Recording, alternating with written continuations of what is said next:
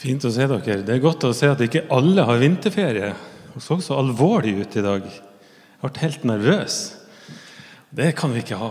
Nei, for tre år siden Jeg har lyst til å fortelle dere en historie. For tre år siden, omtrent på denne tida her Jeg vet ikke om dere husker det, men i Oslo så var det sånn at over 1000 mennesker laga ei lenke rundt synagogen oppe på Sankthanshaugen. Husker dere det? 1300 mennesker sto hand i hand rundt denne synagogen her oppe fordi det hadde vært terrorhandlinger, stygge terrorhandlinger mot jøder i Paris og i København. Og Her sto det altså alle disse først og fremst unge folkene da, og markerte at dette aksepterer vi ikke. Vi demonstrerer imot dette. her. Dette skal ikke skje i Oslo. En av de som organiserte denne demonstrasjonen, og som tok initiativ til det, det er ei jente som heter Haira Ashad. Ei ung pakistansk jente. Og Hun ble liksom frontfiguren for denne markeringa. Hun var liksom ansiktet utad. Hun ble intervjua i aviser, på TV, i alle mulige medier. Og hun var den store helten bak dette. Og for mange som ble hun et symbol på sunn, solid, god norsk muslimsk ungdom. Mens dette her skjedde, så sitter Jan Dubowski hjemme, og så ser han alt dette på TV-en. En stor, kraftig kar med mild stemme og litt sånn hentesveis og et lunt smil. Jan Dubowski nærmer seg pensjonsalderen, og så ser han alt dette på nyhetene. Og sjøl om Jan Dubowski ikke akkurat ligner på Supermann, så er det han som er den store helten i denne historien. Og hvorfor det? Jo, fordi da Haira var yngre, så var hun et ekstremt utfordrende barn. Hun var det hun kaller seg sjøl Hun kaller seg sjøl for ei gangsterjente. Allerede tidlig på barneskolen så slåss hun med alt hun kunne slåss mot. Hun havna i trøbbel hver eneste dag. Hun var leder for en jentegjeng som har tatt kontrollen på skolen. De banka opp alle som kom inn på feil område i skolegården. Ga rett og slett juling. Og Hvis det var noen svake forsvarsløse, ja, så banka de dem opp. Enkelt og greit. Og så gikk de løs på lærerne sine, og de ga seg ikke før lærerne var sykemeldt. Haira var et ordentlig problembarn og ble satt på masse tiltak. Ingenting hjalp, og alle hadde mista trua og gitt opp håpet om at det kunne gå bra med denne jenta. Helt til Jan Dubowski dukka opp. Jan Dubowski ble læreren til Haira på ungdomsskolen.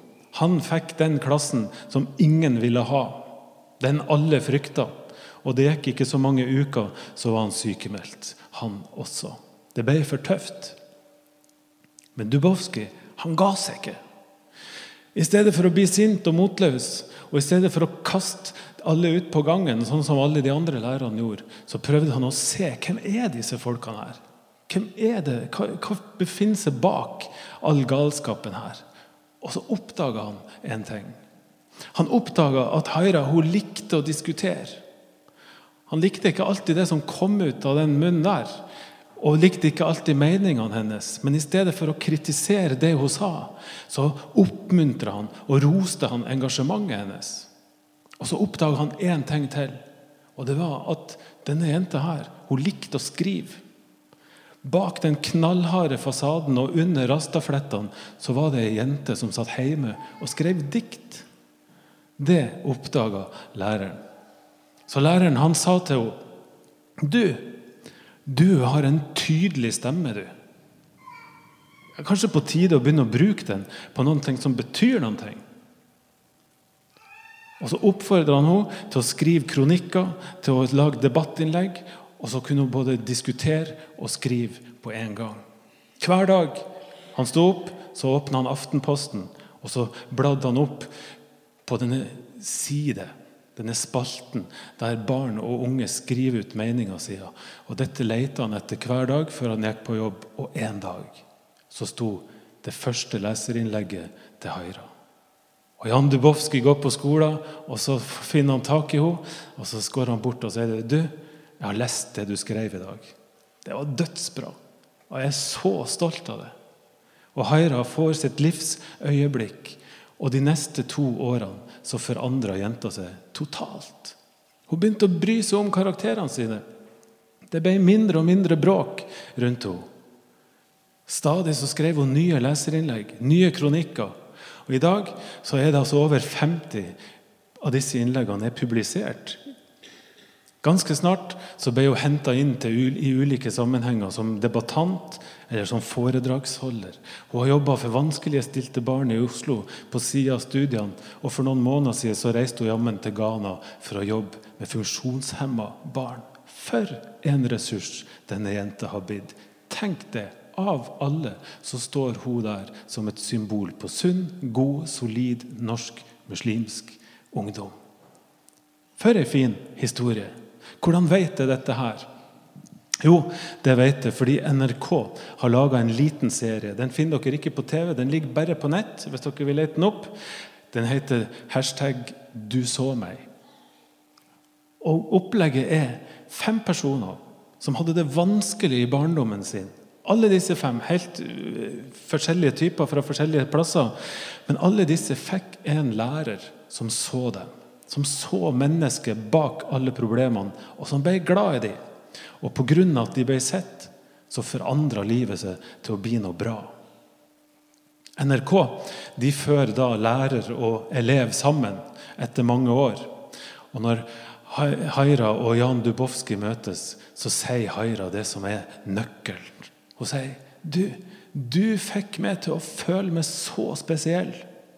Du var interessert i det som var viktig for meg, og du ga meg oppmerksomhet og den oppmuntringa som jeg trengte.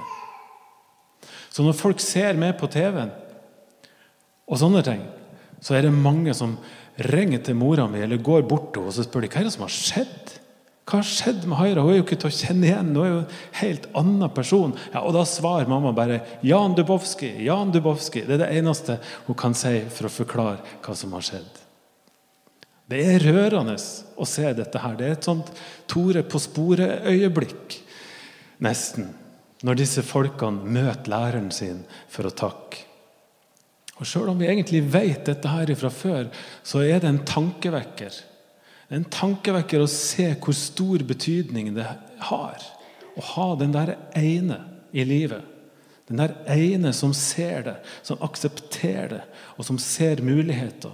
Som kanskje utfordrer det, men framfor alt er glad i det. Har man én sånn person i livet, ja, da kan det gå bra sjøl om man har et elendig utgangspunkt. Husker dere teksten nå? som Anna Reidun leste, den handler om akkurat det der. Om Jesus, som er en sånn person. En som ser. En som ser bak fasaden. En som ser gull der andre bare ser problemer. Det handler den teksten om. Simon, en velstående fariseer, hadde bedt Jesus på middag. Og Når man hadde en rabbi på besøk, altså en lærer, som jo Jesus var kjent som og ansett som, ja, det var en stor ære i denne kulturen og i dette samfunnet. Det de gjorde Da da dekte de bord på gårdsplassen. Huset det var gjerne bygd rundt en stor, åpen plass. Og Alle som ønska det, de kunne komme inn i denne bakgården og være der.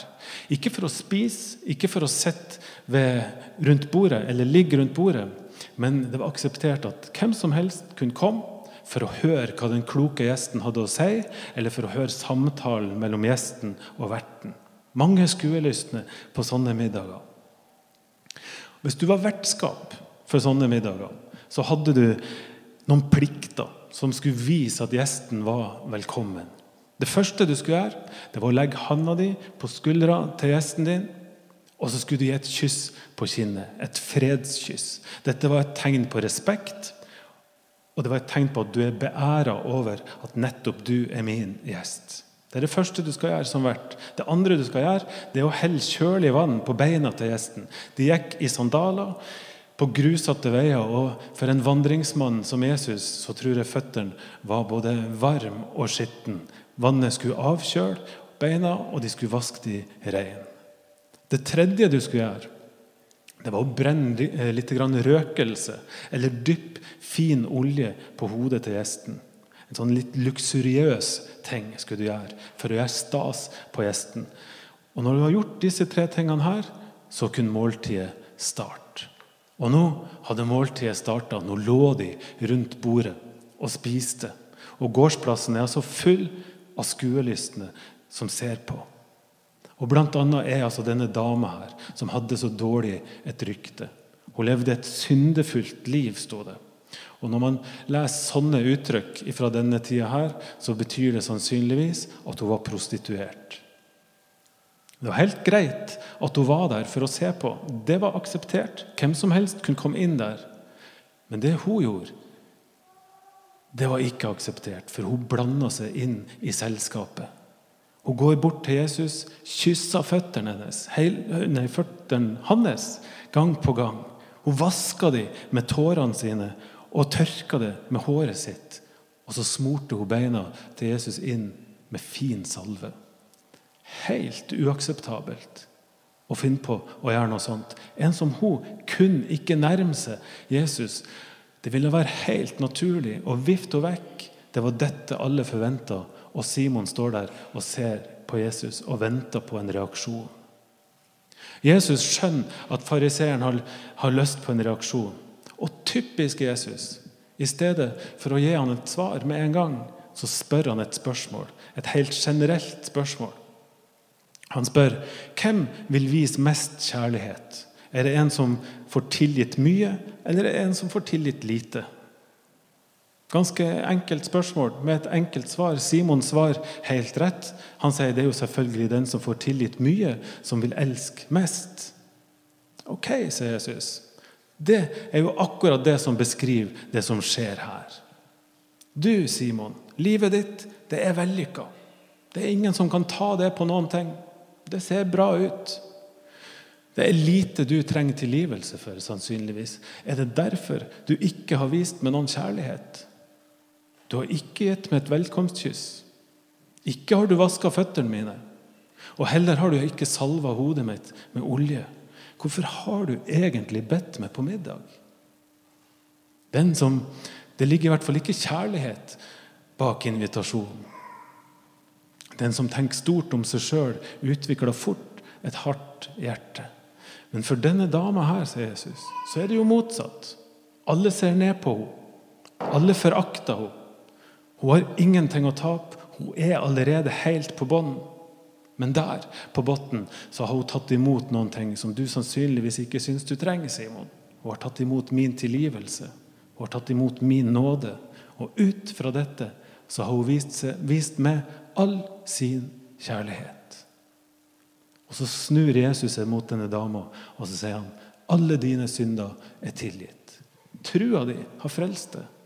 Gå i fred.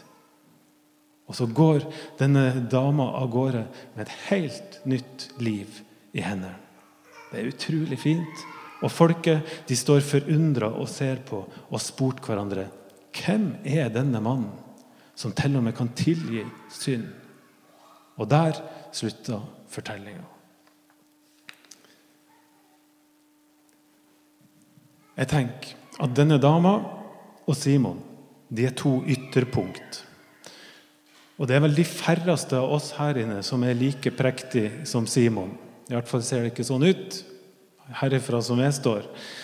Og de færreste av oss ligger heldigvis heller ikke helt på bunnen. Jeg tenker nok det at livet til de fleste av oss er et eller annet sted imellom disse to ytterpunktene. Vi er vanlige folk, de fleste av oss, i kraftverket. Men det vi har felles, uansett hvor vi befinner oss, det er at ingen av oss klarer seg helt på egen hånd. Vi trenger noen som ser oss. Vi trenger noen som er glad i oss. Vi trenger noen som får oss til å føle oss helt spesielle, sånn som Haira snakker om. Og heldig er den av dere som er her nå, som har en Jan Dubowski i livet deres. Heldig er den som har en god familie. Heldig er den som har en god kjæreste. Heldig er den som har gode venner. Da er det faktisk mulig å føle seg spesiell. Og Jeg vet ikke om dere ønsker å bli utfordra i dag, eller om dere sitter og trenger ei oppmuntring i stedet. Men dere skal få begge deler. Så får dere ta imot det dere orker, enten utfordringer eller oppmuntringer. Men dagens utfordring i fastetida til dere som orker det, det er denne. Vær den ene. Vær den ene. Det er så mange mennesker rundt oss som trenger å bli sett som sliter med livet sitt, og som ikke føler seg elskverdig, og som i hvert fall ikke føler at de er noe spesielt. Prøv å være den ene, den som ser. Den som leter etter gull der andre bare ser problem. Prøv å bety noe for en eller annen der ute. Det skal ikke så mye til, så kan det få enormt stor betydning. Utfordringa er gitt til dere som orker å ta imot den. Det er helt greit hvis du ikke klarer det. Ta da i så fall imot dagens oppmuntring, for det er denne. Og det at alle vi som er her nå, vi er sett. Vi er allerede sett av Jesus, og vi er elska av Jesus uansett. Til Han kan vi komme uten å skjule det vi skammer oss over uten å skjule gleder, uten å skjule sorger. Vi kan komme sånn som vi er, og ingen blir avvist. Hos Han er det ingen fordømmelse. Hos Han kan vi hvile i vissheten om at vi er elska, og at vi er spesielle.